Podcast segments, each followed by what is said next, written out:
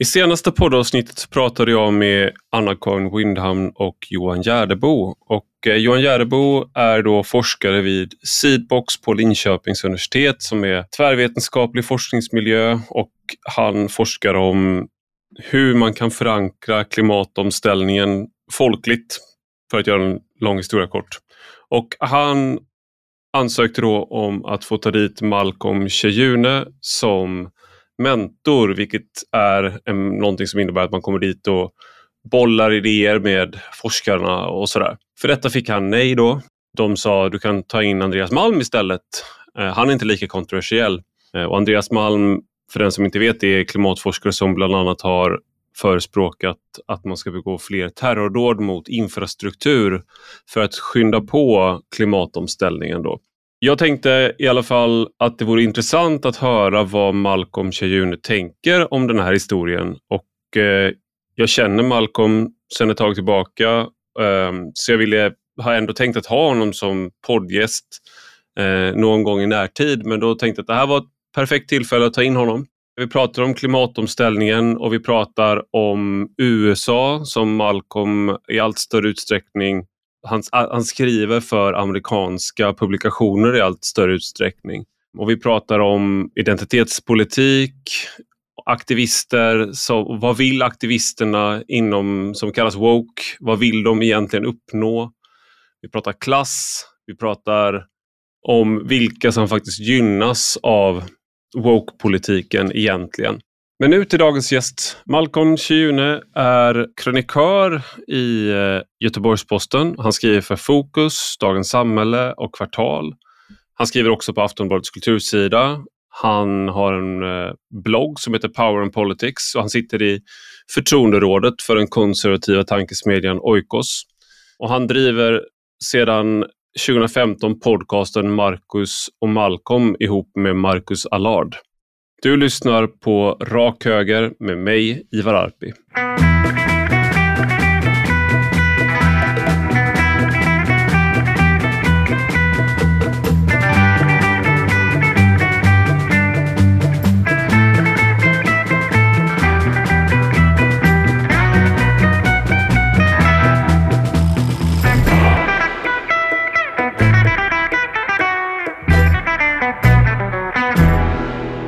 Välkommen Malcolm Cheyune till Rak Höger. Alltså jag blir ju faktiskt triggad av dig Ivar när du uttalar mitt namn korrekt.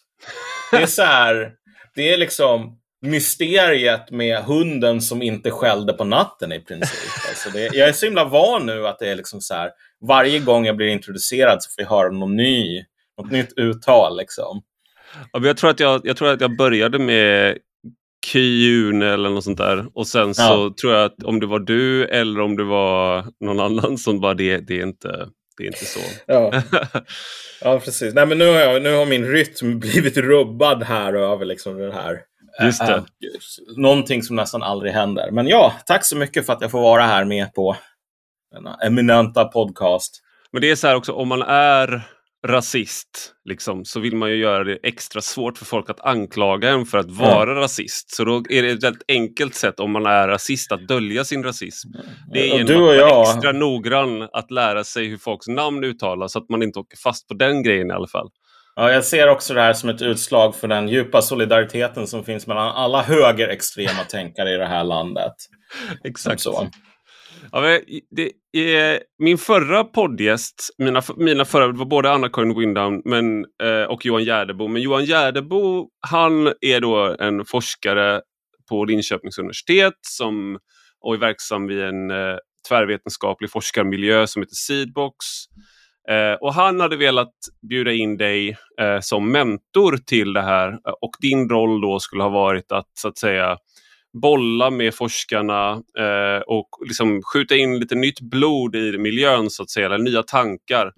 Eh, och Han ville då ha in dig där och vi pratade om det i förra podden då, men, men han fick nej på det helt enkelt. Och, mm. eh, något jag tyckte var intressant, anledningen till att han ville ha in dig var att han tyckte att dina tankar om klimatomställningen och hur den drabbar, eh, vad ska man säga, arbetare, hur det drabbar mm. folk i glesbygden. Det vill säga människor som inte bor i storstäderna, som inte liksom åker Voi till jobbet eller mm. sådär.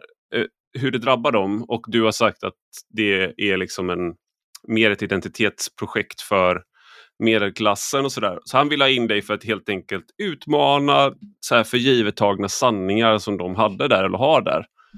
Eh, och det fick han ett nej på. Eh, men då tänkte jag, varför inte bjuda in Malcolm? Och så får du, så här, vad hade du sagt om du, hade du tackat ja ens till att komma dit? Och vad hade du i så fall eh, sagt till dem om de här sakerna? Ja, alltså låt mig vara krass här. Jag känner inte någon större sån här lojalitet till Grönköpings universitet direkt.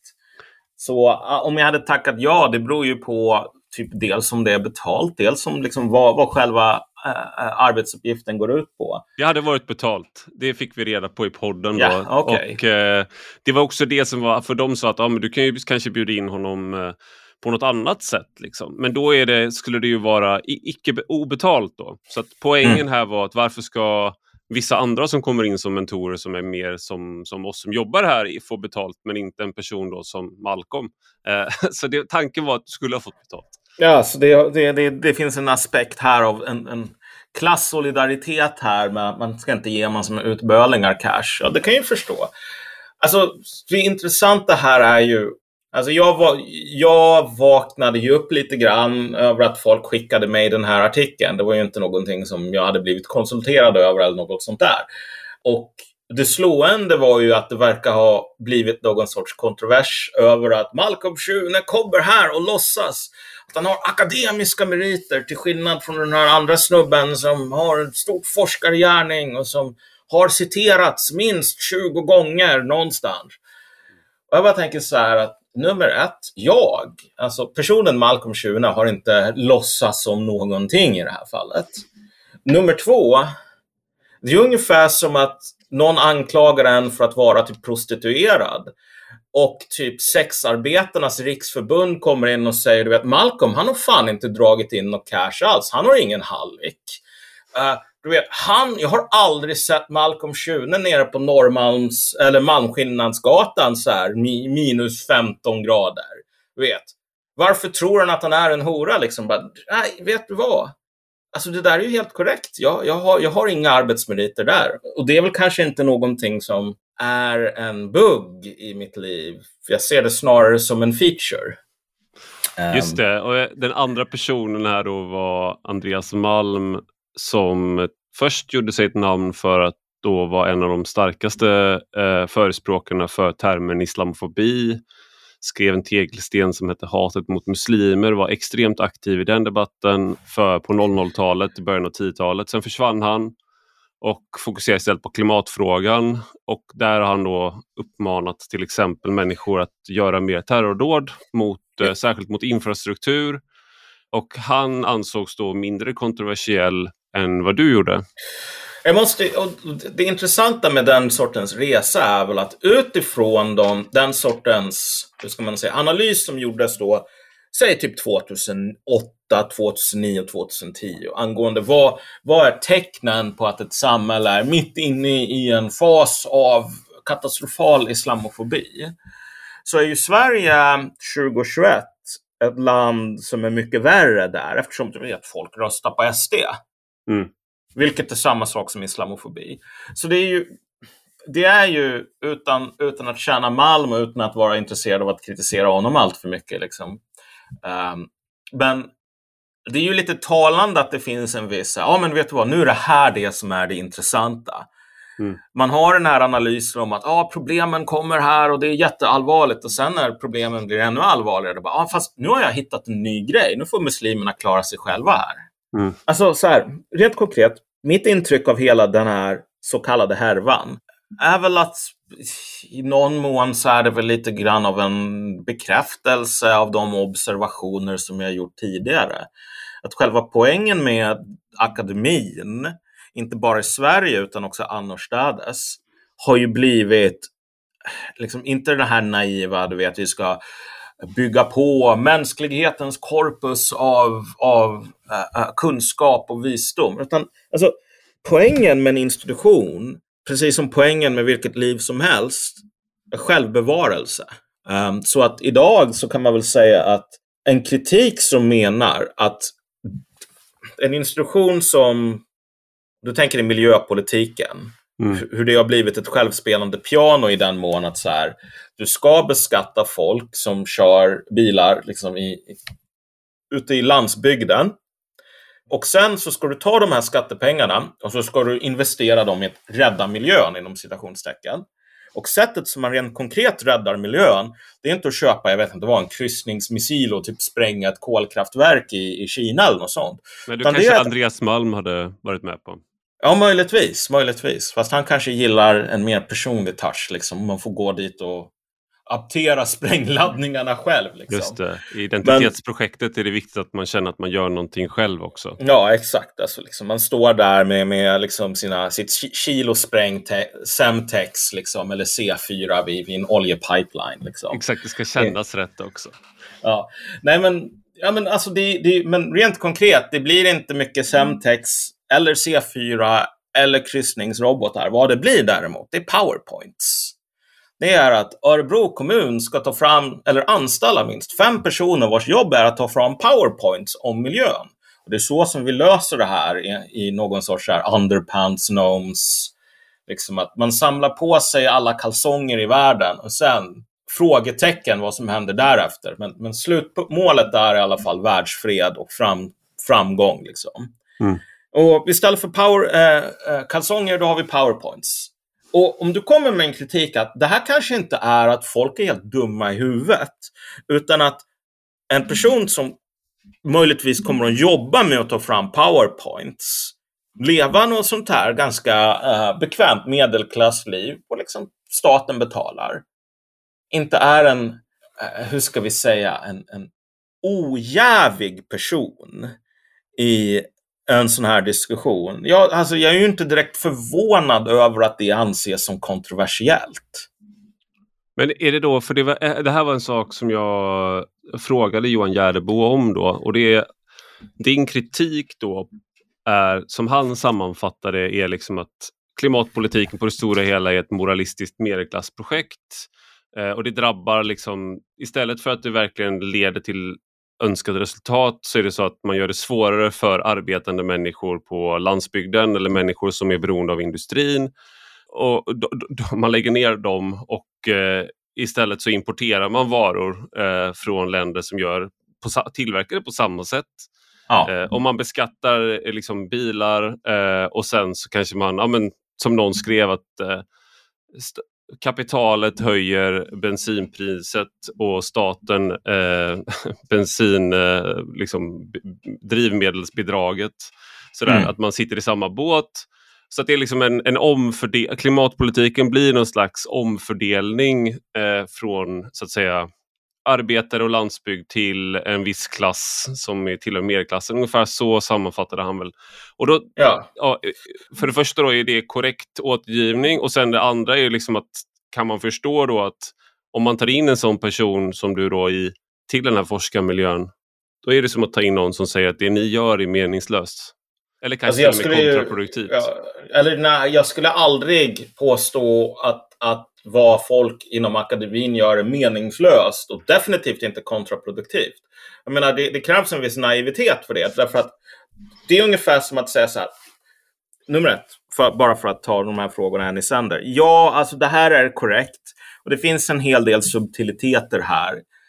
Men, men ja, i de stora, stora penseldragen så är det verkligen så att mycket av riktningen inom politiken i, i hela västvärlden, och vi kommer ju ha lite mer av en internationell utblick, lite så som när det här fram, samtalet fortskrider.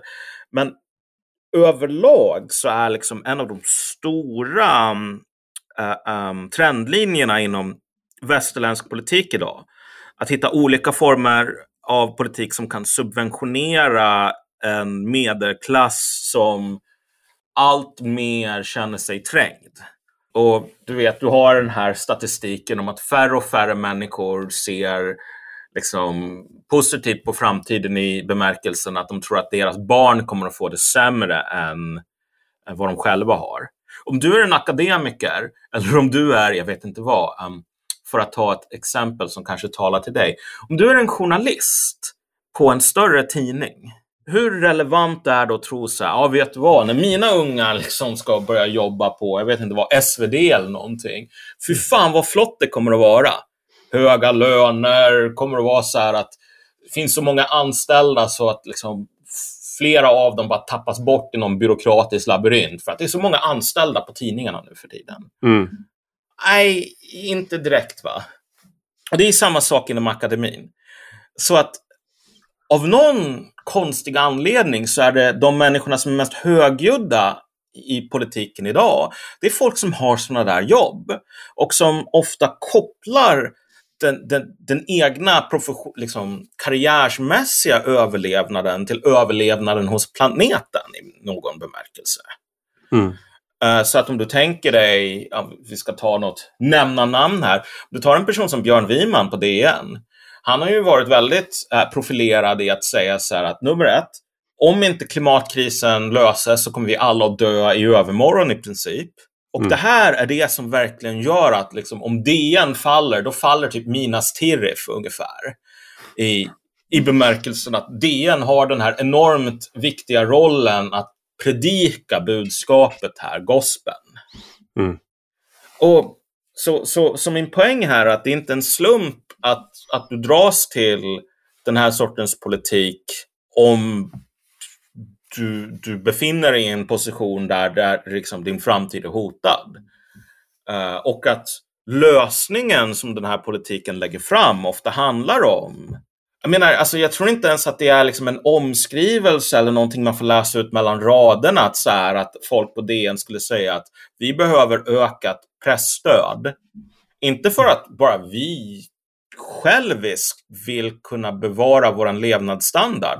Utan om fri oberoende media faller och du bara har liksom såna här hästtjuvar som Chang Frick som springer runt. Eh, då kommer du då kommer klimatkrisen aldrig att lösas. Folk kommer att leva i sitt mörker och så kommer vi alla att dö. Så att det enda sättet att rädda världen, det är också att rädda mina amorteringar ute i Bromma. Mm. Och det, här är inte kontraproduktivt. Det, det, det, är det som är poängen i slutändan. Doing mm. well by doing good, som jänkarna skulle säga. Att så här, förena det som är bra för hela mänskligheten med det som råkar vara bra för mig här och nu. Jag tänker en kritik som då eh, Johan Gärdebo fick eh, för att, och som du tog upp nu, eh, det var ju att om du har, Malcolm Chiune har ingen eh, Ehm, ingen, inga akademiska meriter att tala om jämfört med eh, de som gör karriär inom akademin. Och då tänkte jag på eh, liksom att, den akadem, att akademin är så att säga det är en institution med, där du måste ta dig igenom vissa steg. Så att om du har gått igenom liksom, porten, du har gått igenom initia, initiationsriten, då är du en, mm. en, en Google Gobble one of us. Liksom. Och eh, du har inte gjort det, jag har inte heller gjort det. Jag har också fått den här kritiken att jag då inte man behöver inte ta mig på allvar för att jag är, är inte akademiker. Och mitt, mitt, svar har då varit att så här, ja, akademin, vetenskap handlar om vissa metoder och ja. precis som journalistik gör det. Och om du kan vara, man kan vara eh, transparent, rigorös på olika sätt. Eh, förtjänar förtroende på olika sätt. Även om, med det sagt inte att allting är lika bra, men det, det är liksom inte den enda metoden. Men det finns ju någonting i det här som ändå det, det, både frågan om klimatet, alltså där, för där, där om du är kritisk till klimatpolitik så går, ligger det väldigt nära till hands att man då säger att någon är klimatförnekare. Och det finns liksom vissa sådana frågor där man helt enkelt är utstängd för att man är fel sort. Och, och jag undrar, för det, det finns så här, jag vet inte vem det var, men om man pratar om den eh, det är liksom den stora klasskonflikten idag är inte mellan här, the one percent som äger väldigt mycket ja. eh, och äger allt utan det är snarare liksom att vi har en, en, en grupp i samhället som kanske är på 20 procent som, som du har varit inne på här. Och de sitter på, liksom, inom akademin, inom journalistiken, i, i företagsvärlden i allt större utsträckning, eh, i, polit, i politiken. Eh, och, och det är de som har en vissa frågor och, och, där finns det gatekeepers och där släpper man inte in människor som inte tillhör den här eh, har de här liksom, perspektiven. Hur ser, du, hur ser du på en sån förklaring till att man blir så... Eh, man, man, känner av när det är då någon som kommer, en, en, någon utomsocknes som inte tillhör gruppen som, som ska komma in, att man då eh, inte tillåter det. Men alltså jag, jag ser, hur ska man säga, jag ser på det här lite grann som Alltså när du väl börjar blanda in de här territoriella anspråken och bara du borde inte bli tagen på allvar för att du bara en skojare sådär. Uh, oj, oj, oj. Alltså det är säkert sant, typ, kanske. Men i någon mån så spelar det ingen roll. Tänk dig att du har den här parabeln om de tre små grisarna. Mm. Och du vet, vargen lovar att komma och frusta och pusta. Mm. Blåsa ner eh, deras hus och äta upp dem. Och sen så bygger den ena grisen sitt, sitt uh, hus av hö. Vargen kommer, blåser ner huset och så säger nu ska jag äta upp dig. Och grisen börjar säga så här, låt oss ha en filosofisk diskussion om etiken i köttätande. Alltså, mm. du vet, även om grisen kommer är en jävla Sokrates. Mm. Och bara, vet du vad, nu har jag verkligen bevisat att det är, så här, det är fel att äta kött. Alltså vargen kommer ju äta upp honom ändå. Mm. Och, och, på samma sätt som så här, ja vet du vad, du borde inte ta allvar för att du är ett skämt. Du har noll akademiska meriter Malcolm. Så här, ja, okej okay, förvisso, jag är blott en clown. Uh, men, jag menar nu för tiden, jag håller ju mest på och skriver, uh, jag skriver ju mindre och mindre för den svenska marknaden och håller på och skriver analyser för internationell publik nu då. Mm. Med, mycket med fokus på USA. Du får väl säga till jänkarna då att de inte ska lyssna på mig därför att du vet, jag har inte fått något kvitto från Grönköpings universitet liksom. Uh, här, se om är... de lyssnar på det. Ja, men det här är också en sån där... Det är, det, det är intressant för att jag, jag, jag, läste en bok för ett tag sedan eh, som jag skrev om på, på sajten också, på rak höger. Och den heter The Revolt of the Public and the Crisis of Authority in the New Millennium eh, mm. och skriven av Mart Martin Gurri. Och han är tidigare omvärldsanalytiker på CIA och han skriver om då han skrev boken 2014 och anses då ha så förutsett Donald Trump och Brexit. Vilket han ju såklart inte gjorde, men han förutsåg krafterna i, i de rörelserna. Så man gick tillbaka till hans bok.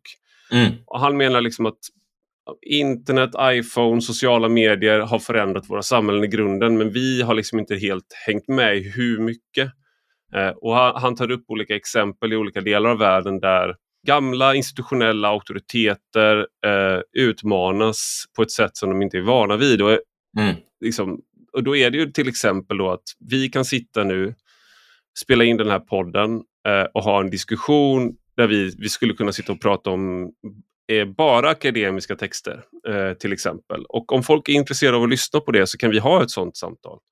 Mm. Men vi har det inte inom ramen för en institution, vilket vi kanske hade behövt ha eh, för liksom 10-15 år sedan. Om man mm. kollar på när bloggosfären slog igenom på 00-talet, nästan alla av dem som bloggade då sögs ju upp av eh, eh, liksom de stora tidningarna och medierna. Eh, till exempel Per Gudmundsson var en av de tidiga med blogg eh, och då blev han anställd på ledarsidan. Och jag var mm. själv en av dem som blev anställd, eh, liksom hade en blogg och sådär. Nu däremot... Ja, jag med, så, kan jag ja, säga. Ja, och då, men nu då så är det ju snarare så att människor går från eh, de stora tidningarna till att starta egna kanaler. Och samma sätt att du har mycket av de, många av de här intressantaste diskussionerna om akademiska ämnen sker ju i poddar eh, i tidningar, liksom på, på vad moderna motsvarigheter till bloggar, då, liksom, eh, nyhetsbrevstjänster och liknande. Eh, och det där har, har lett också till en motreaktion från så att säga den, den, den klassen som sitter på institutionerna. Och då säger man till exempel, om, som nu under pandemin, att man har då, det blir väldigt tydligt hur de som har en, eh, en eh, liksom har det här certifikatet från Grönköpings universitet och som du säger, de vill säga liksom, man kan inte prata om det här om mm. du inte har en examen. Men det spelar ingen roll om jag har en examen om, om jag har läst statistiken korrekt och jag har, har läst ut det här på ett rätt sätt.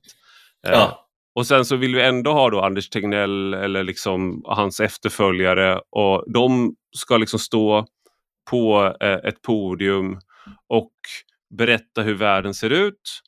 Det, är bara, och det, hade fun det funkade när svininfluensan kom 2009.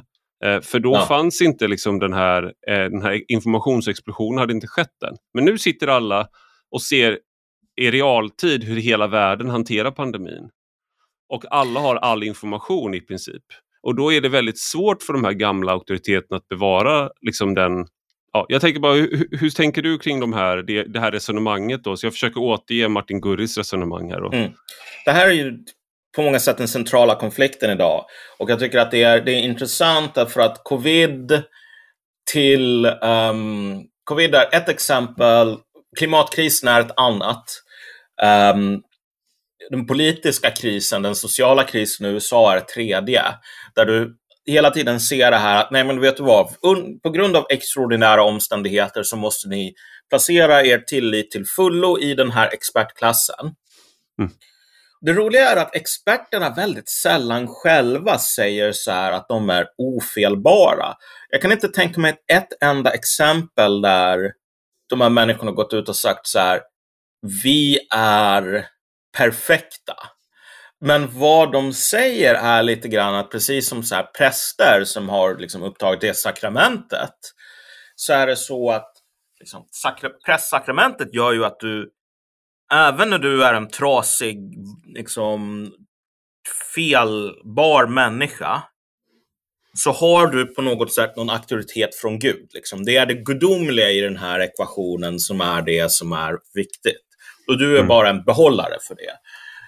Och, och det här är ju en, en skillnad med en viss relevans eftersom om du tänker dig um, med till exempel de här vaccinen så har det varit så här att under en lång tid så hade du olika procentsatser. Som liksom, det här skyddar 98 procent, det skyddar 93,5 och så vidare. Mm. Och du vet, om alla bara vaccinerar sig så kommer vi att få flockimmunitet. Och det är ju väldigt få som talar om det nu för tiden. Ja om, det, om, om, om poängen var att den här eliten sa att du vet, vi har aldrig haft fel på typ när vi bettar på Solvalla. Du kan inte visa en enda gång som vi har satsat på en häst och den hästen inte har vunnit. Därifrån kommer vår auktoritet. Mm. Men då skulle de ju vara tvungna att ge upp. Mm. Men det är ju uppenbarligen inte det som är argumentet, utan argumentet här bygger på en expertis som är den existerar på det metafysiska, inte på det konkreta planet. Man är smörjd genom sitt ämbete så har man en, alltså man har gått igenom den här initiationsriten så även om man på pappret är felbar så har man ändå någon typ av egenskap som gör att man är värd att lyssna på. Därför så, så ringer man Agnes Wold. Även om Agnes Wold har då visat sig ha fel gång på gång på gång på gång. Ja. Och hon uttalar sig eh, utan... Om man, om man, man skulle kunna tänka sig så här då att en, en, en forskare är mycket riktigt väldigt kunnig inom sitt område. Men det är inte så forskare används alltid, Nej. eller experter används, utan man ringer dem för att fråga om saker som ligger utanför deras expertisområde och de uttalar sig med emfas och tvärsäkert många gånger och media älskar sådana människor. Eh, och vi accepterar dem för att vi anser då att de på något sätt genom att ha eh, doktorerat eller ha, vara liksom, ha rätt bakgrund så kan de uttala ja. sig om, om väldigt mycket. Och här måste, man, här måste man flika in också så här att hela det här, den här smörjda klassen då är ju lite grann mellan två eller mellan flera olika potentiella så här, legitimeringsberättelser. Det är som en sån här eremitkräfta som, som har växt ur sitt skal och måste hitta ett nytt och inte riktigt har gjort det än. Därför att Å ena sidan så är det så att vi tillhör den här klassen som du måste lyssna på. Vi har den här auktoriteten på grund av vår expertis. Mm. I, i, I de här liksom formella institutionerna som Grönköpings universitet. Liksom. Men alltså, om man faktiskt tar på sig glasögonen och kollar lite närmare på vad sömmarna i det här, det här plagget går så ser man ju att det kan uppenbarligen inte vara så som folk påstår att det är. Därför att om vi tänker oss, om vi fokuserar på klimatfrågan, mm. den här smörjda klassen som, som förtjänar i, i vissa fall att gå emot eh, folket. Visst, det står i grundlagen att all makt utgår från folket, men alltså grundlagen, det är lagen 1.0 och vi behöver lagen 2.0 för att lösa 2000-talets problem. Det är ett vanligt argument. Alltså så här, i den klassen av smörda personer, visst, officiellt så är det expertis som gäller. Men vad är chansen att Greta Thunberg hamnar utanför? Mm. Att folk bara säger, vet du vad Greta Thunberg? Du är känd för att du inte har gått i skolan de senaste fem åren. Mm. Du har inte några forskningsmeriter, hej då. Mm. Självklart ingår Greta Thunberg i de upplysta, de smorda Mm. här. De som har någon sorts um, liksom sakral egenskap som gör att när de talar, då talar de liksom, då tolkar de den gudomliga lagen snarare än den mänskliga lagen. Mm. Så att uppenbarligen, det handlar ju fan inte om liksom dina jävla högskolepoäng. Och alltså om någon bara sa, vet du vad Greta, du har inga högskolepoäng, fuck off. Det är ingen Mm. som skulle acceptera det. Den personen skulle ses som en haverist. Liksom Mm. inte fatta hur reglerna ser ut. Det- Men Mm. Greta Thunberg, hon, vad hon har, om inte akademiska meriter, så kan man väl säga att hon tillhör en viss klass människor. Och det här när hon säger då till exempel lyssna på forskningen. Det är ju inte en eh, det är ju en viss, så här, viss typ av forskning i regel. Eh, och, och det som är intressant här är också hur vi, liksom demokrati har ju liksom skiftat lite i karaktär. När, när mänskliga rättigheter började komma och bli viktiga, det var ju på 70-talet. Eh, innan dess så fanns de, men det var inte någonting man pratade om så mycket. Men sen började det bli all, successivt allt viktigare. Och i samband med Live Aid och man skulle liksom kämpa mot ondska i, i världen och liksom bekämpa fattigdom varhelst den var. och Så, där. så det blev liksom ett nytt vänsterprojekt. Men i Sverige så höll eh, Socialdemokraterna emot för att de menade att det här var ett sätt att, av, att liksom ta bort makten från politiken.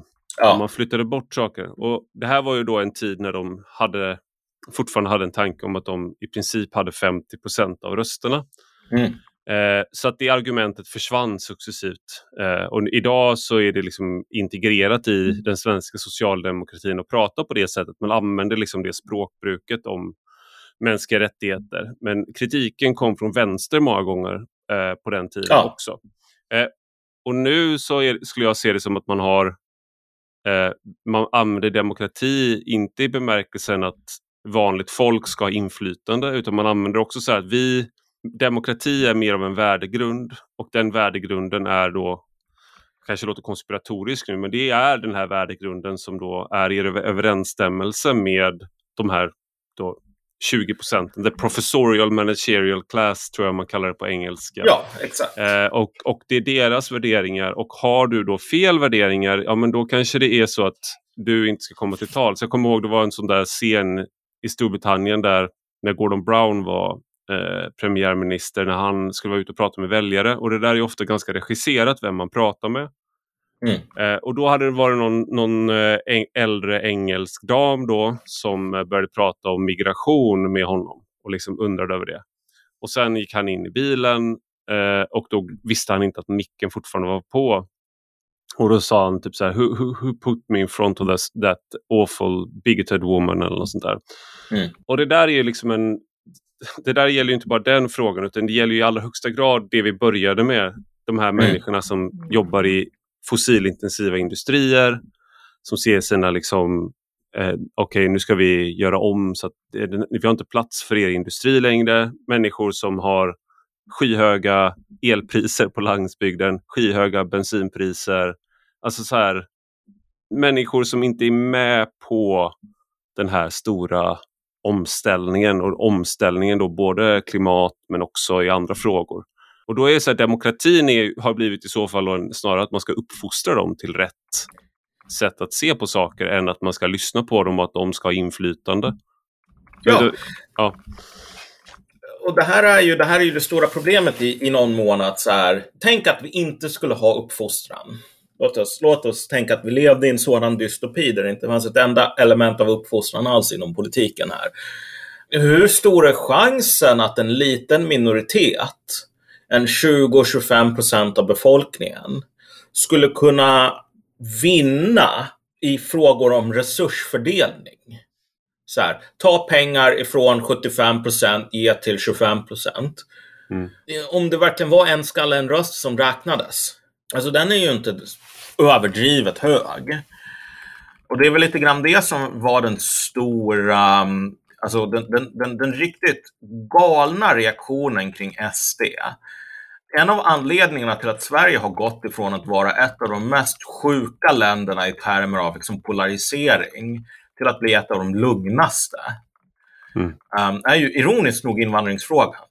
SD kommer in, om du kommer ihåg, um, 2014, eller de kom ju in innan, men 2014 så går de från att vara ett litet pisseparti till att ha liksom 12,9 procent eller vad det nu är. Mm.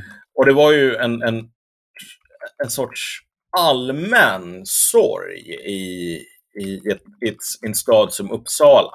Liksom folk bara antog att de kunde gå och bara säga, ja vet du vad, jag, du sörjer väl också så här att det här hemska rasistpartiet har kommit in och så vidare, eller liksom mm. gjort ett sånt bra val. Och du hade de här artiklarna om att säga, ja men vet du vad, 87 procent av landet är, är inte värdelöst skräp. Mm. Och det där liksom, då har vi den här väldigt spända situationen ända tills Allan Kurdi spolas upp på den där stranden. Mm. Och du får den här enorma explosionen av, av liksom politisk energi, någonting väldigt maniskt kommer över det svenska samhället. Och den här manin att trycka ner SD centreras, åskledaren här blir just att vi kan ta um, Liksom, vi kan plocka in en miljon till människor från lite olika delar av världen. SD säger att vi inte kan det, att det kommer att bli massor med problem. Så då kan vi liksom slå två flugor med en smäll här och liksom, du vet, få en superekonomi och bara krossa SD genom att tvinga igenom det här. Mm. Sen så upptäcker medelklassen att så här, mm, fast vi tycker inte om de här invandrarna. Liksom. Det är ju medelklassen som är pådrivande i svensk segregation. Liksom. Det är inte som om sådana människor bara, nej vet du vad, jag ska flytta ut till Järvafälten för att ta mitt samhälleliga ansvar och se till så att uh, integrationen flyttar på. Fuck no! Uh, de enda människorna som stannar kvar i sådana områden, det är människor som inte har resurser att flytta. Och medelklassen har resurser att flytta, för annars skulle det inte vara medelklass.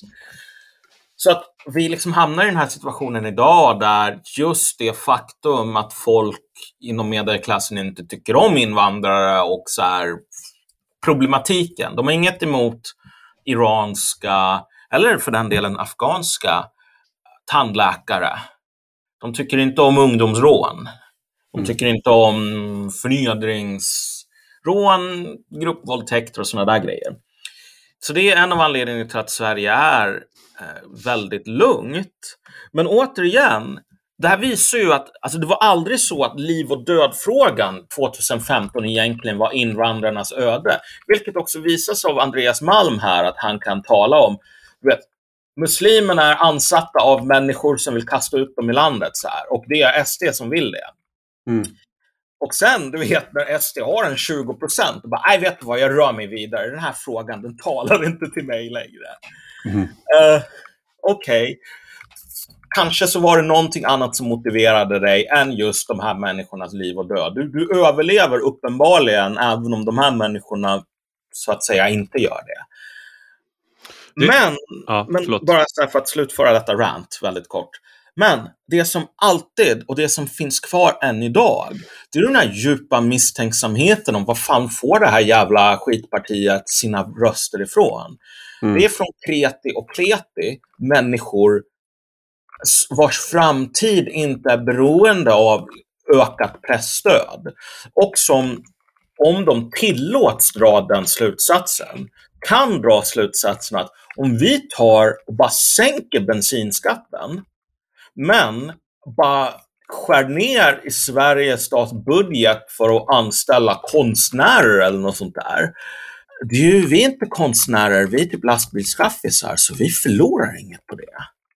Jag skulle också bara eh, nyansera ändå att Sverigedemokraterna idag är ett parti även för medelklassen. Exakt. Eh, men, men det här är också en sån där fråga då som är tidigare såg Socialdemokraterna som ett parti då som enade, var en förening mellan liksom, eh, arbetarklass och medelklass. Eh, och jag skulle vilja säga att eh, det finns liknande tendenser inom Sverigedemokraterna, det vill säga att jag, menar, jag tillhör helt klart samma klass som Johan Gärdebo. Jag är, är liksom Johan Gärdebo och jag, liksom, jag, jag, mitt första parti som jag röstade på var Miljöpartiet. Eh, jag tyckte klimatet var väldigt viktigt. Alltså jag kommer från en bakgrund och jag är, tillhör liksom en universitetsutbildad eh, storstadslevande människa som har jobbat på tidning. Och så, alltså min klass är ju helt klart den här 20 procenten. Men det finns ju någonting när man kollar på ett samhälle och jag skulle säga att du också gör det såklart. Liksom. Men mm. när man tittar på ett samhälle så kan det också vara så att du inte bara ser eh, ditt eget intresse och då kan man ju tänka sig, ja men då borde man ju vara engagerad just för eh, klimatet. Men det är väl här jag tänker att, att eh, till exempel ett parti som Sverigedemokraterna, de, de har ju i, på samma sätt som man kan säga att Socialdemokraterna har haft en idealism eh, oavsett om man tycker om den eller inte eh, så har, de ju, har ju Sverigedemokraterna det också. Det vill säga man, även om man inte bor i glesbygden så kan man mm. vilja att det ska vara bättre för glesbygden. Alltså även om du, även om du själv inte är eh, beroende eh, direkt i alla fall av eh, liksom Cementa, Prem eller eh, liksom, och sådär så, så kan du ändå vilja att de människorna ska ha, liksom, som, som är det, att de samhällena ska leva och att då och då att du ser att mycket av det här är en liksom, symbolpolitik för att få människor som eh, min egen då, eh, om jag säger det, liksom min egen privilegierade klass eh, för att få, få den att må, må bättre med sig själva. Och, och, men det, det här tänkte med, som du har varit inne på, är ju liksom att eh, med utbildningsindustrin, universiteten, det är ju eh, liksom kanske den, det är en av de absolut största eh, budgetposterna. Mycket större än eh, polisen, Försvarsmakten. Alltså det, jag tror det var 95 miljarder varje år eller något sånt där. Mm. Eh, och det, det, är ju så att säga som du säger då, det, det är ju löner och eh, liksom en grupp människor. Så universiteten på många sätt är ju någonting annat än vad ide idealbilden är ju egentligen att du kan ha olika, du kan ha tankar och du kan liksom så utbyt, fritt meningsutbyte, idéutbyte och, du, mm. liksom, och det, det, är ju det också eh, liksom, när det är som bäst. Men det är ju också den här gruppens liksom, födokrok, precis som att om du kritiserar public service, om du tycker att liksom, världens fetaste katter det programmet inte kanske bör vara skattefinansierat Mm. Då är du ett hot mot det. Då hotar du demokratin. Ja. Och, och det, då, då, har du, ser du, så ser man ju den här liksom gruppen att, som du, du, du innan vi, innan vi liksom började spela in så sa du just att vi har en överutbildning av människor som idag inte har eh, lika säkra liksom, just för att vi är så många då som går ut universitetet och har läst statsvetenskap och sociologi mm. och allt sånt där och litteraturvetenskap och, eh, maskulinitetsstudier i mitt fall. Och, liksom då, då är det inte så lätt att du har kanske inte en, en raka vägen in på något sånt här jobb. Och då, mm. då blir det viktigare också med vissa av de här miljökonsulenterna och, och liknande. Den typen av jobb finns. Exakt. Och jag menar, problemet här i slutändan att ja, okej, okay, på den tiden där liksom som Nietzsche verkade och det var uh, Eh, en tredjedels procent av befolkningen gick på, um, gick på liksom högskolan så. Hade uh, um, någon examen från högre utbildning. Men då kunde man verkligen tro på det här. Nej men vet du vad, okej, okay, fine. Alltså, vi har en filologinstitution här och vi, vi, vi, vi anställer gudabenådade filologer. Uh, och Nietzsche är bara världens största geni okej, okay, synd att han är galen då. Men, men, han var inte galen då och han var typ den ja. yngsta de någonsin hade anställt som Exakt. professor. Han var helt från, han var bara försvara Nietzsche, den unge Nietzsche där. Att ja, ja, galenskapen jo, kom sent. Ja, ja men jag, sk jag, skulle nog säga så här att galenskapet var det priset som han var tvungen att betala för sitt stora geni. Så liksom det där var, ja. Inbakat på något plan att det skulle gå åt helvete förr eller senare. Mm. Men Nietzsche var alltså ett, så här, ett, ett gudabenådat geni. Det finns inget annat sätt att, att uttrycka det på. Men här är problemet så här. Och det här är ännu tydligare i ett land som USA där nummer ett, det är inte staten som tar på sig lika enorma kostnader. Jag brukar ta bensinpriset som ett exempel.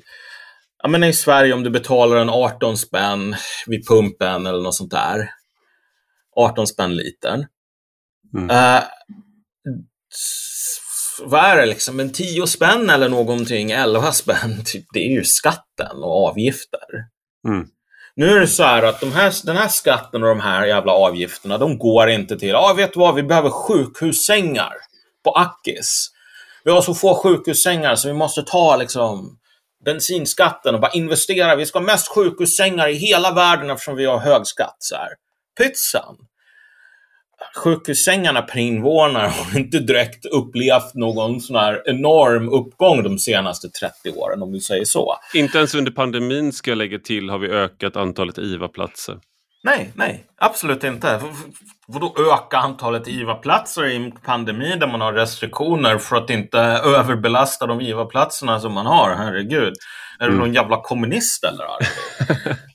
det här låter ju, eller fascist snarare, eftersom det låter som en misstänkt fascistisk idé Nat att ha idag. Jag föredrar nationalbolsjevik. ja, ja okej, okay, bra. Jag hör att du har den korrekta terminologin här.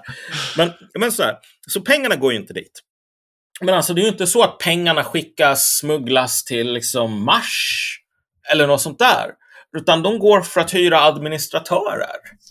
Mm. Så vi, vi har inte råd med fler IVA-platser, men vi har fan råd med mer genuskonsulter på Akis. Så, mm. Som ska se till så att de här, jag vet inte vad, sänglakanen inte äh, strider mot miljöpolicyn sådär. Mm.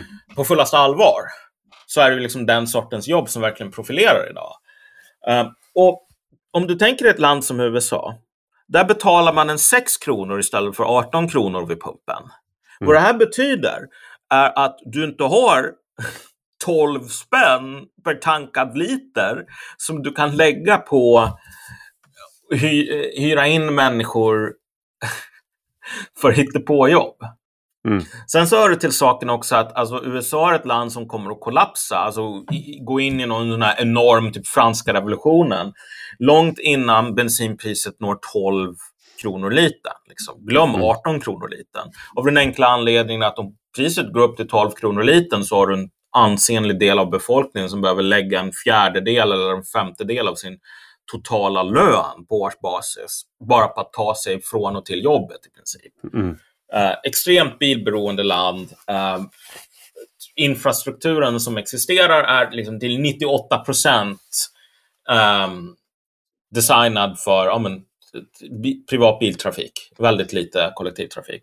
Men det här var en, det här var en sån sak som vi pratade om innan också att om man går tillbaka några år då, då var Sverige, brukade man säga att vi var de galnaste eh, på många sätt. Att vi var liksom mest politiskt korrekta och allt sånt där. Men nu har det, det, har det skett ett skifte där helt klart. Och i USA så är det ju, om man då tar till exempel så här saker som Black Lives Matter eller någonting. Det är ju en jättegrej i USA. Woke, jätte, en jättegrej. Ja. Och det är liksom ja, men critical race studies. Liksom, ja, men dina barn ska lära sig att de har liksom, att det är, de ska vara ledsna över att de, eller de ska liksom skämmas för att de är vita liksom, i skolan och det har varit ett uppror där för, bland föräldrar. Liksom. Det är extremt hårda konflikter just nu i USA och väldigt många människor.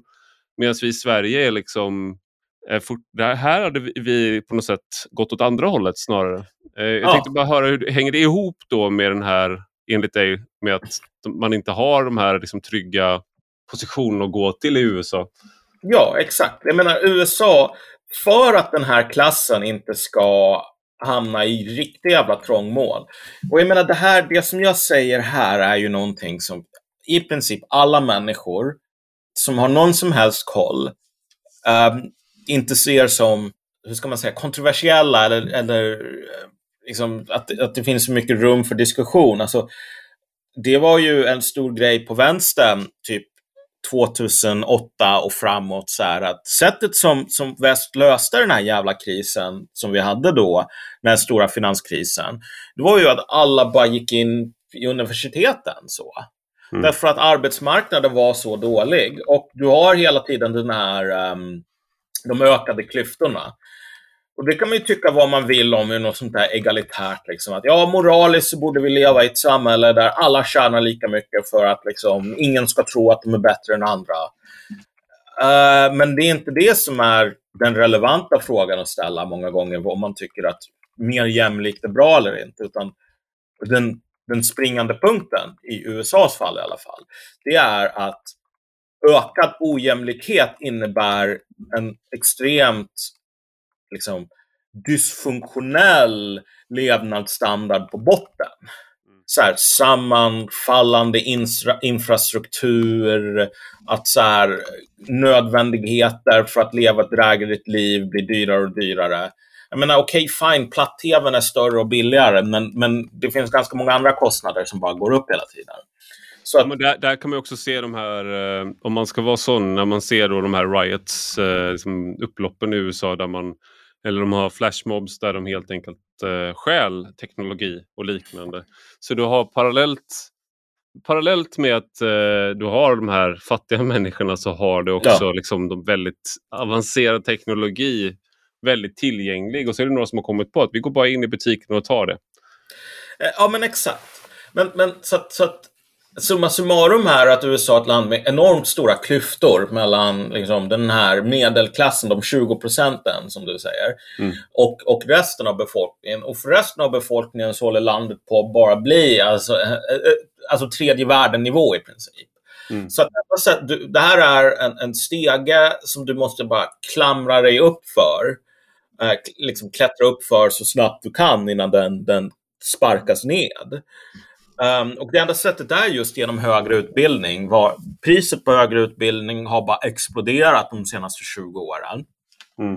Och så att du har, utan att du kan höja priset på uh, liksom, skattenivån till svensk nivå och bara ta alla de där pengarna och plöja in, anställa folk, liksom, kommunikatörer på, på uh, någon, någon county i, i, i liksom, mitten av ingenstans på Arkansas liksom ska ha så här, vi ska ha 30 kommunikatörer här för att sköta Arkansas sheriffs, liksom i någon jävla, pa eller Paris, Texas, den lilla stadens sheriffs uh, olika sociala mediekonton. En sheriff, 30 kommunikatörer, liksom. det är en bra mix. Sådär. Mm. Alltså, men, visst, man kan skratta åt det, men liksom, det, det här är på något plan ett riktigt imperativ. Därför att så här, om de inte får sådana jobb, var ska de jobba? Mm. Man har avindustrialiserat landet, man har flyttat fabrikerna till Kina, vilket typ leder till vissa problem, tydligen, som ingen kunde räkna med. Mm. Till exempel att man inte kan producera sina egna munskydd. Ja, exakt. Eller Alvedon. Liksom, och ja, alltså det finns vissa människor som kan jobba med att sälja liksom, bostäder till varandra sådär. Liksom, så att Eh, bruttonationalprodukten går upp hela tiden. Men, men mm. så här, för den stora majoriteten så är det verkligen så att det är fan en strid på kniven att hitta ett, ett jobb som kan... Det finns inte nog med drägliga jobb. För det, det, det hela havet stormar med typ tio pers på två stolar. Mm. I Sverige så har vi via statliga subventioner ställt upp typ åtta stolar till, eller i alla fall sju. Så mm. att det är mm. tio pers på nio stolar. Mm. Varav liksom, 7-80 procent av dem är statligt subventionerade. Ja, det är inte konstigt att det är mycket mindre armbågar som körs upp i ljumsken på folk sådär. Eh, att det är mycket mindre liksom, eh, naglar i ögonen liksom, för att eh, oskadliggöra konkurren konkur konkurrenterna. Konkurrensen är mycket lägre. Men problemet som, som jag hintade om tidigare är att USA också är ett land som inte kan bära de här höga att de skulle vara tvungna att betala en 18 spänn för liten bensin. Mm. Därför att alltså, då, då går inte privatekonomin för, för Amerikas bönder ihop. Liksom, det gör det ju inte i Sverige heller. Undersåtar. Nej. Det, det, här var väl någonting som är, alltså, bensinskatt för mig Eh, är, det, det, det är mycket av svensk klimatpolitik är absurd med tanke på hur utsläpp och sånt ser ut. Men, med en sak som du var inne på nu och som du har varit inne på tidigare, det är det här med att antirasism då och Black Lives Matter och hela den där grejen, det är liksom ett sätt att göra karriär. Eh, och då gäller ju då de här människorna i USA som eh, där man många gånger fokuserar på frågor som kanske snarare gynnar det, det segmentet som ändå ligger närmast att lyckas och kanske skulle lyckas ändå. Snarare än att fokusera på eh, så här, dåligt dricksvatten i Flint, Michigan. Eh, eller liksom problem som... För, det är så här, jag gör en liten rant här, men många saker som eh, man pratar om om svarta i USA, det är reella problem. Alltså, svarta i USA har eh, Eh, lever i liksom områden som i svenska mått, vi har ingen motsvarande i Sverige. Alltså om man, om man, när människor från USA kommer och ser liksom det vi kallar utsatta områden. Det är jättefint. Det är ja, om man åker ut till många utsatta områden, det är liksom välklippta gräsmattor, fina lekplatser.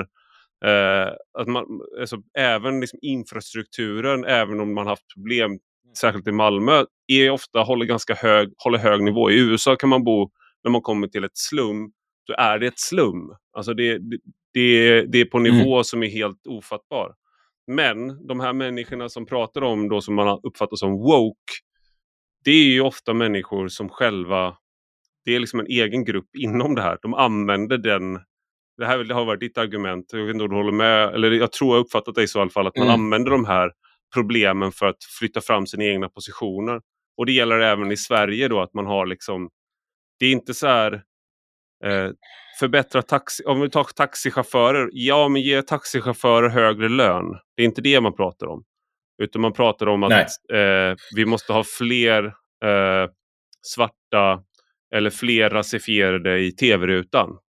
Ja, om du tänker dig, det som du tar upp här jag skulle säga att du, du, du är nästan lite för generös i den mån att det är verkligen som att hitta en femklöver eller någonting och hitta en människa som så att säga kommer ifrån gettot, inom citationstecken, som sysslar med de här sakerna i USA. Det här är 100% en, en grej för folk i de här topp 20 procenten som råkar vara um, ha svart hudfärg. Och jag säger svart hudfärg snarare än att vara afroamerikaner, därför att det är lite grann där som skor klämmer. Att så här, du har människor vars föräldrar är någon sån här läkare från liksom Senegal eller någonting som tjänar en 150 000 dollar om året och som, som stack från Senegal till USA för att kunna tjäna massor med cash efter att liksom staten betalade hans utbildning för att det inte finns nog med läkare i Senegal. Liksom. Mm. Och då kommer den personen och säger bara My fellow African Americans. Mm. Så här, riktig överklass, över, övre medelklass tjej från typ Princeton eller någonting. Vars mm. eh, farsa har bara sett till så att man har de bästa coacherna för att ta sig in på universitet och så vidare. Som nu bara kommer ut i gettot och bara fellow African Americans. Alltså det finns enormt mycket resentiment mellan alltså afrikaner och afroamerikaner. De avskyr varandra. Men mm.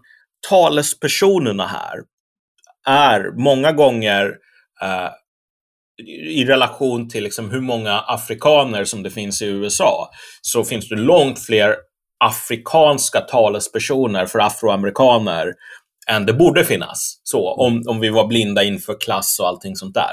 Mm. Så det är, i, I Sverige så, så är dynamiken lite liknande i bemärkelsen att om du tänker dig folk som ska göra sig själva för ta, som talespersoner för Black Lives Matter och så vidare. Mm. Alltså Sverige importerade inte massor med afrikanska slavar för att odla sockerbetor eller någonting sådant. Alltså. Va?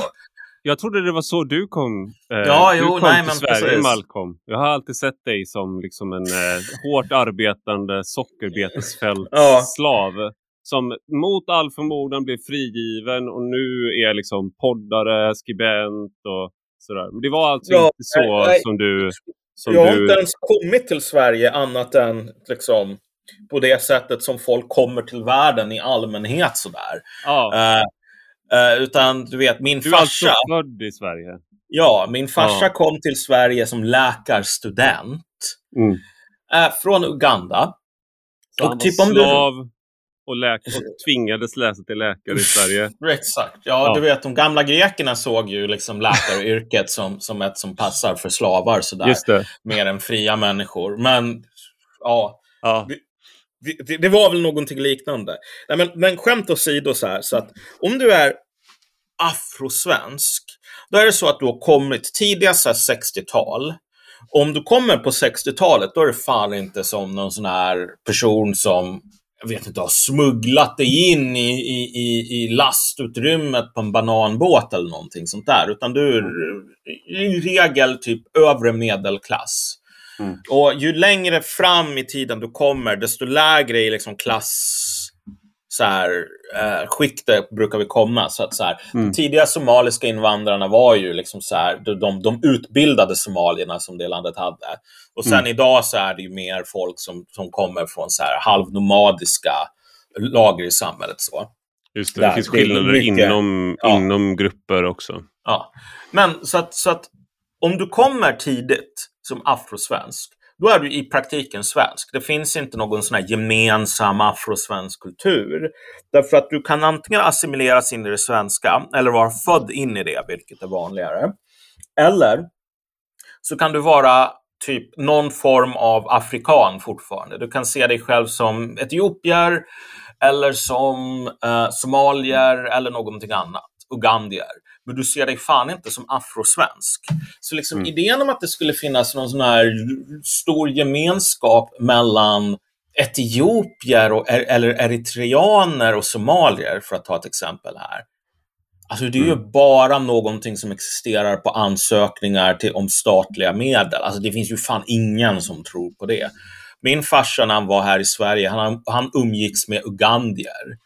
Mm. Uh, han skulle ju fan aldrig umgås med somalier, för somalier anses vara typ en blandning mellan typ Afrikas judar och Afrikas så här, romer i princip. Alltså det är ju, du har ju i många länder olika så här, ekonomiska raskravaller typ för att somalierna kommer att ta våra jobb i princip. Ah, ja, okay.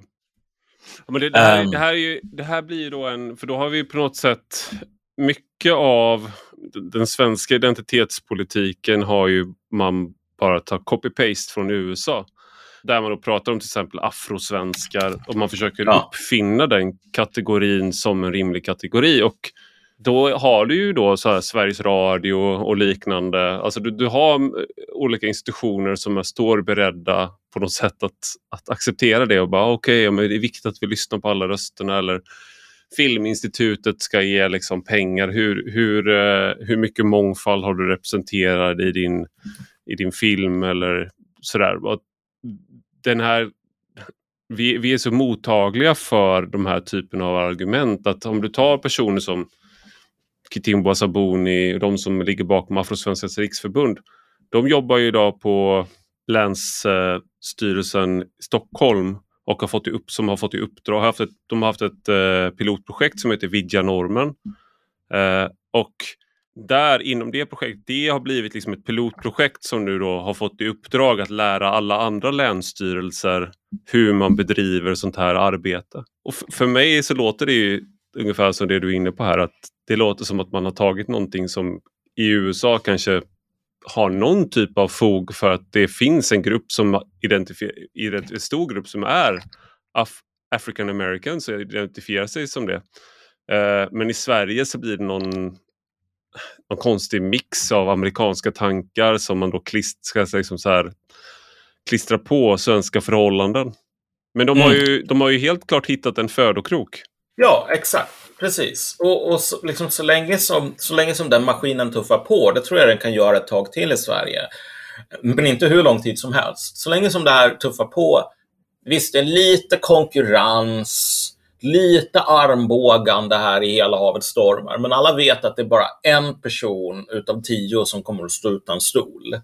Så du behöver inte lägga ner hur mycket tid som helst.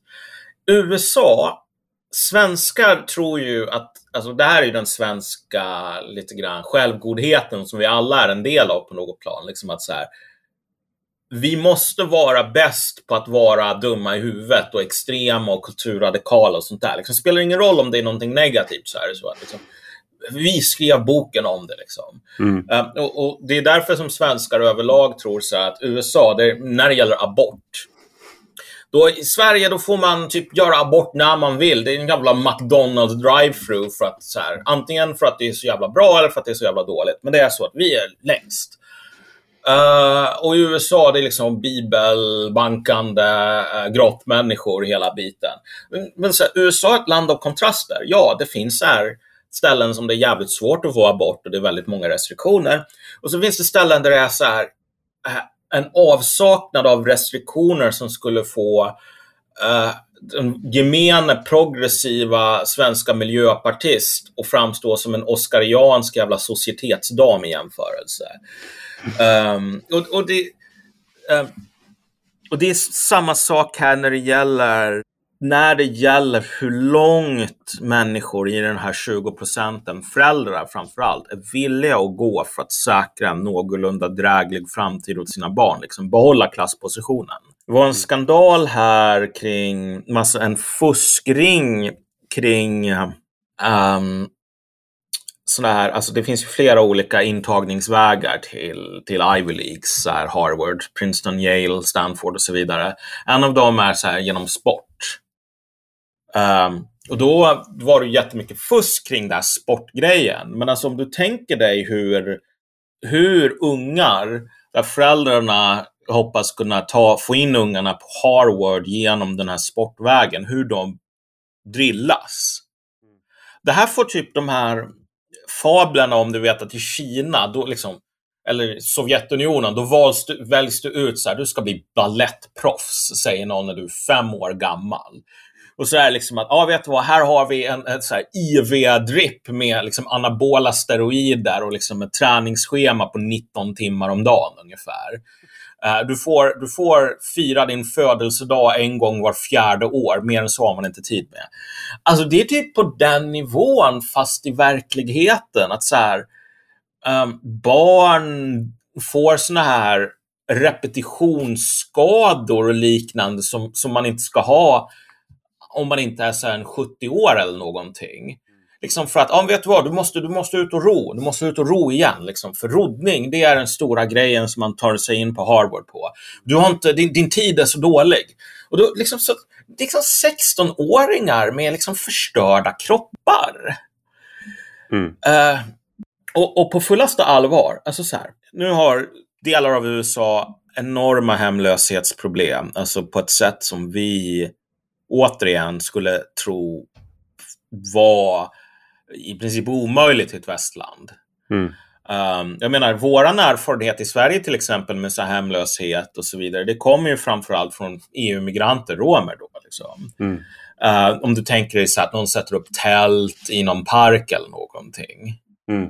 Uh, I Kalifornien, alltså där börjar det gå till den, till den milda grad att du, de här tälten som du har, du åker ner för någon sån här sidogata, liksom en sån här fem minuter ifrån om vi, om vi tänk Stockholm, du har Drottninggatan. Du börjar där, fem minuters gång ifrån Drottninggatan. Då har du alltså gator som det är liksom reserverade, alltså parkeringsplatserna är numera konverterade till alltså tältläger.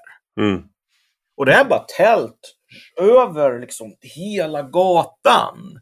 Och sen så kommer du till en bro och så är det liksom någon sån här mindre jävla tältstad under den här bron.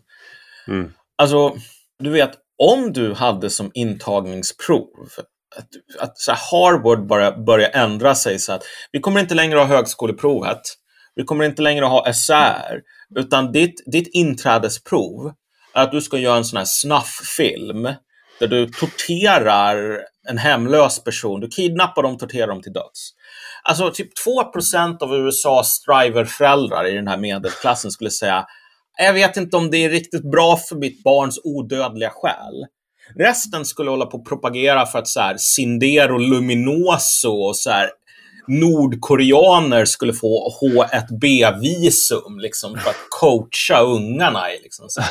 så här brukar kartellen kidnappa folk. Liksom, så här, du, vet, du kan använda den här borren för att borra ut knäskålen och sådär. Men alltså, jag skämtar men... faktiskt inte om det här heller. Alltså det, det är extremt hård konkurrens, extremt hård May the devil take the hindmost. Så. Men är det, för det här är väl liksom en, det är väl här, ibland så säger man uh, att, att du är marxist. Du kanske kallar dig marxist fortfarande. Och någonstans här mm. så börjar vi komma in på det som också är en intressant förändring i USA och det är att stora delar av eh, republikanerna, jag tror det är runt 20 procent enligt Pew, jag kan ha fel, men enligt Pew Research Center så är det ungefär 20 procent som är, ligger till vänster i ekonomisk politik om stora, de största delen av Demokratiska partiet. Ja. man kan se det här i liksom, Tucker Carlson som är den mest populära liksom, eh, eh, eh programledaren i USA. Hans show är liksom, slår, har flest tittare. Han använder en retorik som vi snarare förknippar med vänstern idag. Det vill säga, och det var också hans kritik mot Black Lives Matter handlade om, om klass till stor del. Ja. Och, mycket av de här frågorna det har blivit så här konstigt, eller konstigt är det väl egentligen inte, men det är en realignment eller vad man vill kalla det där. Ja. Eh, det som uppfattas som höger idag ibland är snarare är vänster. Och den här tidigare då kostymhögern i USA, den har liksom både förlorat eh, greppet om Republikanska partiet, men den har också förlorat greppet om big business i USA. Det vill säga, ja. det, det, är snarare en woke, woke idag. Det är liksom inte Gordon Gecko som styr på Wall Street, utan det är, eh, det är snarare woke-människor på många sätt. Men, Exakt. men vi har ju då också då den här, och bara i Sverige kan man ta som exempel, bara idag då, något som jag själv har skrivit en del om, är att man borde eh, flytta tillbaks eh, industrier till Europa av, av olika skäl. Eh, idag så skrev, eh, eller om det var igår, så skrev Dagens Industris ledarsida om just det, att vi borde göra det, reshore. Liksom. Eh, och det, där, det här är en intressant, och det, det, känns som att det har att göra med de här striver. Man, man upplever att vad ska man säga, platsen i solen krymper. Eh, och eh, man behöver vara allt mer desperat för att hitta ett sätt att nå dit för sina barn. Eh, och då samtidigt så har liksom, eh, många låter på ett sätt som är, eh, är vänster traditionellt sett inom högern. Tänkte ja. höra då hur du, hur, du, hur du ser på det. Jag skulle säga att jag tror att de här Alltså det går ju i någon mån i, i rätt riktning inom citationstecken. Att, att liksom det, det, finns genuina försök att röra sig dit. Men problemet är att Wokes, fienden här, de kämpar ett, på ett enfrontskrig. Eh, ska förklara vad jag menar med det. Men, men så här, medan högen här har ett riktigt tvåfrontskrig framför sig. Därför att en av de stora sakerna här som, som vi ser just nu, och som i alla fall jag ser som följer det här väldigt noggrant och nära, liksom, för att det, det är mitt jobb på ett plan. Men det är så här att alltså, entusiasmen inför liksom, klasspolitik så, liksom, att bara, nu ska vi hålla på med klassanalys och bla bla bla sådär. Den har, den har svalnat. Den var som mest typ 2018-ish. Nu är det lite Empire Strikes Back, att så här, du vet, man har de här donatorerna och liksom de, de är inte helt okej okay med den sortens rörelser. Så liksom, ja, du kan snacka om det så länge du inte snackar för mycket. Men om mm. du försöker genomföra det här kommer du ha sönder koalitionen. Så att då vänder man sig till kulturkriget då. Eh, det så kallade kulturkriget. Som liksom att det här är ändå en kamp om idéer. de här människorna som vi kämpar mot, de har jävligt dåliga idéer, antisociala, liksom oikofobiska och så vidare. Så liksom på det området så kan vi klå dem, om vi lägger våra stora resurser där, visst, då kan vi ha som en sekundär front lite det här materiella, men, men folk är med oss i kulturkrigsfrågorna. Problemet med det är att, så här att det, här gör man det värsta misstaget man kan göra i krig, vilket är att underskatta sin fiende. Därför att om du, den flesta analysen, alltså nästan all analys på högerkanten, om varför woke-människor är woke är rena rama alltså, cirkulära tautologiska resonemang. Det är så här, de är woke för att de har dumma idéer och de har dumma idéer för att de är woke. Mm. Alltså okej, okay, men varför, varför bestämde de sig för att ha dumma idéer? Ja, men för att de är dumma i huvudet. Mm. Och det är så här, okej, okay, så kanske det är, men du vet, när, när det är nivån på analysen så ska man... Det är liksom inte en bro som, som kommer att bära särskilt mycket liksom, Eh, eh, trafik, om man säger så. Och, och vi ser hela tiden, för den som är nyfiken och liksom skådar de här stora striderna i kulturkriget mot de här woke-människorna som tydligen är dumma huvud och irrationella, så ser man deras grundläggande rationalitet väldigt snabbt om man faktiskt ser på vad de gör rent konkret. Du, du kanske känner till att USA hade ett val då um, slutet på förra året för guvernör, guvernörsval då i vissa delstater, mm. bland annat Virginia. Um, och då så kom den här kandidaten Glenn Youngkin för Republikanerna i Virginia. En riktig jävla dark horse från början. Det var ingen som trodde att han skulle vinna och det var liksom så här, Virginia var nu permanent blått, var mm de flesta överens om som var observ politiska observatörer. Men du får den här enorma liksom, kulturkrigsexplosionen sådär. Och den fokuserar i alla fall, så som medierna skriver, om alltså en, en, en incident med en transsexuell student som typ drar in någon tjej på, på äh, tjejernas äh, toalett, försöker våldta henne. Skolan tystar ner det här för att skolan inte vill ha någon, någon äh, skandal. Och den här snubben som, som är förälder till den här tjejen, han försöker ju göra en jävla grej av det här, liksom beivra det som har hänt, övergreppet på hans dotter. Och så liksom blir han haffad av polisen typ, på något sånt där mm. skolmöte och sådär. Och det blir massor med knas. Och då säger Demokraterna att jag tror inte att föräldrar ska komma här och, och ha någon rätt att bestämma över vad som händer i skolorna ungefär, vilket inte är en valvinnare. Mm. Det är den officiella berättelsen och utifrån den, bara det som vi har sagt nu, så är det ju bara fan vilken jävla slam dunk man har om man är höger och säger bort med identitetspolitiken. Liksom. Mm. Här är problemet. I realiteten så är det så här att um, det här Ludhound Country, som, som, som kommunen heter då, um, är typ den rikaste kommunen i hela USA, nummer ett. Och den har varit fast i ett kallt krig mellan olika sidor, mellan högern och vänster inom citationstecken, bland liksom mm. de rikaste uh, invånarna i landet. Mm. Långt innan den här liksom, transincidenten var en grej. Mm. Och transincidenten blev bara en till front i det här stora kriget som sliter sönder kommunen och som nu leder till att så här, kommunen betalar för konkurrerande säkerhetsfirmor som ska liksom se till så att de här två faktionerna inte börjar puckla på varandra. Så. Mm. Uh, och den riktiga konflikten, den som folk är superarga över. De är sura över den här transgrejen, men de är super, alltså rosenrasande över avskaffandet av högskoleprov och standardiserade nationella prov och sånt där inom skolan mm. som antagningsmekanism. Och här hittar vi plötsligt, om du börjar prata med någon inom högern så här, liksom att du bara lägger fram att så här, de här woke-människorna, de har avskaffat alla så standardiserade prover, allt som går att mäta objektivt. Mm.